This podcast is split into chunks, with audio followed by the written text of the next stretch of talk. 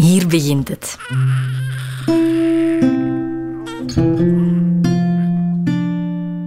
Of eigenlijk begint het maanden daarvoor, in de buik van zijn moeder.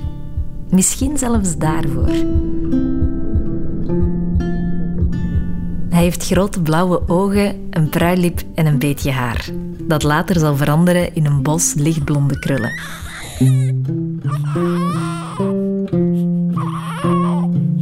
November komt hij op de wereld. Klaar om echt te beginnen. Vier dagen daarna begint hij nog eens, opnieuw. Maar dan ergens anders. Bij een extra paar ouders.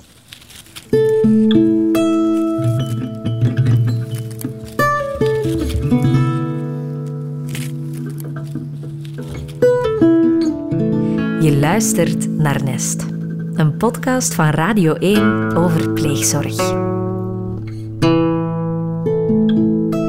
In een van mijn oude fotoalbums hangt een krantenartikeltje met kleine Shani wordt gedoopt in de kapel van de gevangenis van Hasselt. En ik denk dat dat ongeveer heel mooi schetst ehm, hoe dat mijn leven eruit zou zien zonder pleegzorg. We hebben situaties meegemaakt dat we met een lege maxicosi in het ziekenhuis aankomen, waar de ouders uh, ook aanwezig zijn en waar dat wij dan met een volle maxicosi met hun baby naar de auto wandelen en dat ze met lege handen naar, aan de andere kant van de parking naar de bus wandelen. Mijn kleine was aan het slapen en ineens boem, boem, boem, boem, boem op de deur. Uh, ik doe de deur open, stormen er een aantal, zes, zeven politieagenten stormen ineens mijn living binnen. Afscheid? Nee, dat heb ik eigenlijk niet gedaan. Omdat ik wist van dat dat mijn zoon was, dus dat ik ervoor ging blijven vechten. Ongeacht of dat ze mij nu gingen tegenwerken of niet.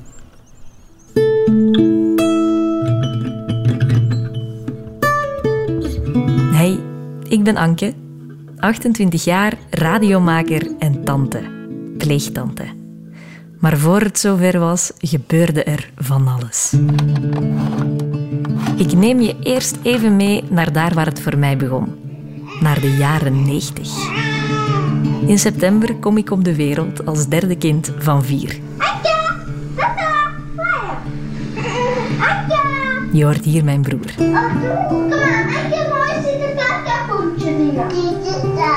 Hij was zes jaar toen ik geboren werd.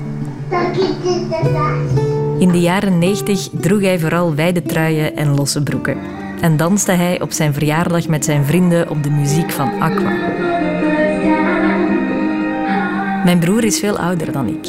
Dus als kind kruisten onze wegen vooral wanneer ik me groter wilde voordoen dan ik was, of als we samen badminton speelden op een camping in Frankrijk.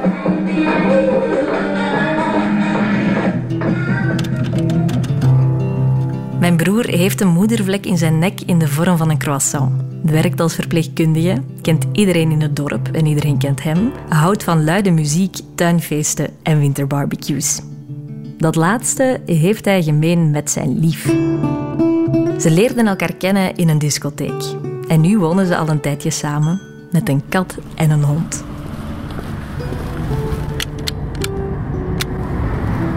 Dit nam ik vier jaar geleden op, in oktober 2018.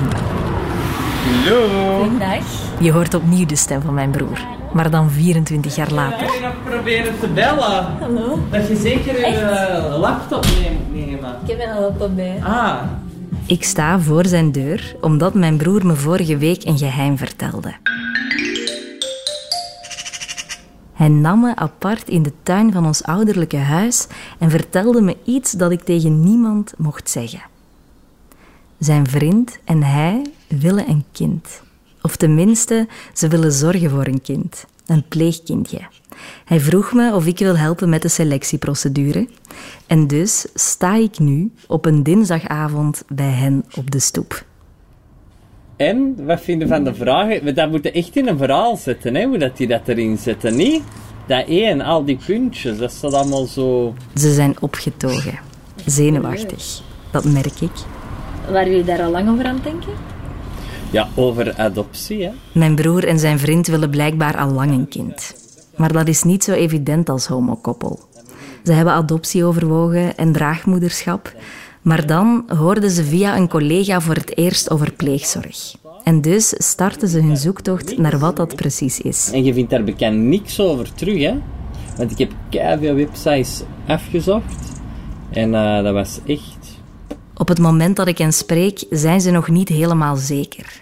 Want pleegzorg, wat is dat eigenlijk? Pleegzorg is een hulpvorm dat ervoor zorgt dat een kind tijdelijk bij iemand anders kan wonen door omstandigheden en die dan begeleiding krijgt vanuit pleegzorg. Je hoort hier kort Robbe de Vos, begeleider en screener bij pleegzorg. Ouders krijgen begeleiding, pleegouders krijgen begeleiding, de context krijgt begeleiding om dan te bekijken, is dit een goede oplossing, ja of nee, en hoe gaan we hiermee verder? Wat wij vaak zien is, is dat het in het begin uh, wordt gewisseld met, met adoptie. Hè. Dat, dat verschil niet heel duidelijk is. Het grote verschil tussen pleegzorg en adoptie is het delen van ouderschap. Hè. Adoptie is anders dan pleegzorg, maar in pleegzorg deel je het ouderschap met, met ouders. Later vertelt hij hier nog veel meer over. Maar eerst terug naar het begin. Naar de start van het pleegzorgverhaal van mijn broer. Zo'n 900 kinderen en jongeren vonden vorig jaar geen plek in een pleeggezin in Vlaanderen. Dat blijkt uit cijfers van het agentschap Opgroeien. Pleegzorg Vlaanderen zoekt dringend pleegouders. Pleegzorg voor is dringend, en met dringend bedoel ik heel dringend, op zoek naar pleegouders. Vlaanderen doet Na die ene avond op hun terras hoor ik het plots overal. Meer en meer kinderen wonen bij een pleeggezin. Vorig jaar Pleegzorg is overal. Op de radio, op televisie, in de krant. En eigenlijk alleen maar met slecht nieuws. Er zijn lang niet genoeg pleeggezinnen en daarom wil het agentschap Opgroeien meer inzetten op gezinshuizen. De Vlaamse regering wil werk maken van professionele pleegzorggezinnen. Een paar weken later weten mijn broer en zijn vriend het zeker. Ze willen zich aanmelden bij pleegzorg. En dus zet ik me met hen en een ellenlange vragenlijst aan de keukentafel. In welke gemeente wonen Nee, nee, nee, eerst eens. Ja, maar ah. dat klopt, dat hoort erbij. Wie kwam er als eerste op het idee om een pleeggast op te zijn een soort gasten. Wat zijn uw hobby's? Doet u vrijwilligers? Hoe gaan jullie op reis? Hoe zouden jullie je financiële situatie omschrijven? Wonen jullie dicht bij de provinciegrens? Wat is jullie motivatie? Waarom zou u een goede pleegouder zijn? Hoe reageert uw omgeving op de plannen? Telefoon. No, ja, naar mij bellen of naar u? Is maar. Wij wonen in een rustige omgeving met veel groen. Heel leuk. Zijn er gebeurtenissen die u momenteel bezighouden? Niet de emo schrijven dan. Wat verwachten jullie van deze dienst? Ja. Er is een huiskat. Nee, een, een kat en een hond. En vijf vissen. Wat? Jullie vissen? Zijn er politieke overtuigingen die een belangrijke plaats innemen in jullie leven? Volgende vraag. Hoe zouden jullie je gezin omschrijven? Goed. Ja, maar dat is ook omdat En na een paar uur... Bedankt voor het invullen van deze vragenlijst. Hallo. Ben je blij dat al is? Dat is de eerste dingen, hè? Eerste stap. Allee, tweede eigenlijk, maar... De eerste echte stap. We hebben er gewoon over nagedacht, hè? Ja. En zijn jullie nu niet zenuwachtiger? Ik ken nog niet, ik wil me eigenlijk niet goed Ik ben ook niet zenuwachtig, maar ik ben er wel benieuwd naar. Zolang dat ik niet iets terugkrijg, is dat bij mij nog niet officieel. Nee. Ik moet dat echt zo kunnen zien van, je bent geselecteerd of komt die in aanmerking. Of, je bent dus, geselecteerd. Ja. Allee zeg. Allee, nu gaan wij onze vragenlijst voor u uh, afvuren. Wat een ding? Maar voor ik over mijn datingleven begin, heb ik vooral nog vragen over pleegzorg. Want wat is dat eigenlijk echt, behalve het delen van ouderschap? En wat gebeurt er zodra de vragenlijst op het bureau van pleegzorg terechtkomt? Hoe lang moeten ze nu wachten op een antwoord? Hoe matchen ze een kind aan hun gezin? En wat dan met de ouders? De afgelopen vier jaar ben ik het traject van mijn broer blijven volgen. En om het allemaal beter te begrijpen, sprak ik met ouders, pleegzorgers, kinderen en ook experts, zoals jeugdrechter Inge Klaas. Wel, ik denk dat heel veel mensen denken dat jeugdrechters zich voornamelijk bezighouden met jonge criminelen. Maar eigenlijk is dat helemaal niet zo. Van de 100% dossiers die wij hier hebben, uh, denk ik dat meer dan 90% handelen over jongeren die zich in verontrustende opvoedingssituaties bevinden. En ook kinderpsychiater Binu Singh. Het is niet omdat we het hebben over het belang van die eerste duizend dagen dat, dat we moeten denken, ja, als het daar niet goed genoeg loopt, is het allemaal al om zeep. Dus ja, uh, handen af. Het resultaat van al die gesprekken hoor je hier, in deze podcastreeks. Je zal onderweg misschien een paar piepjes tegenkomen, zoals deze. Of deze.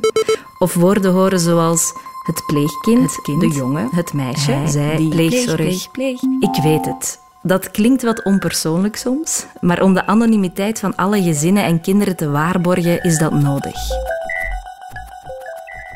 Sommige namen zijn veranderd en herkenbare details licht aangepast of verzwegen. De interviews gebeurden met toestemming van de jongeren, ouders, pleegzorgers en soms ook de jeugdrechtbank. En dan? Wanneer ik ongeveer een half jaar later net even vergeten ben dat elk moment een belangrijke telefoon kan volgen, belt mijn broer.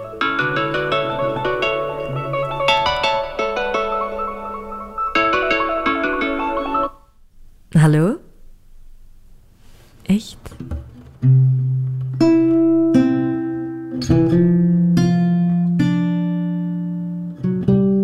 Je luisterde naar de eerste aflevering van de podcastreeks Nest. Een podcast over pleegzorg.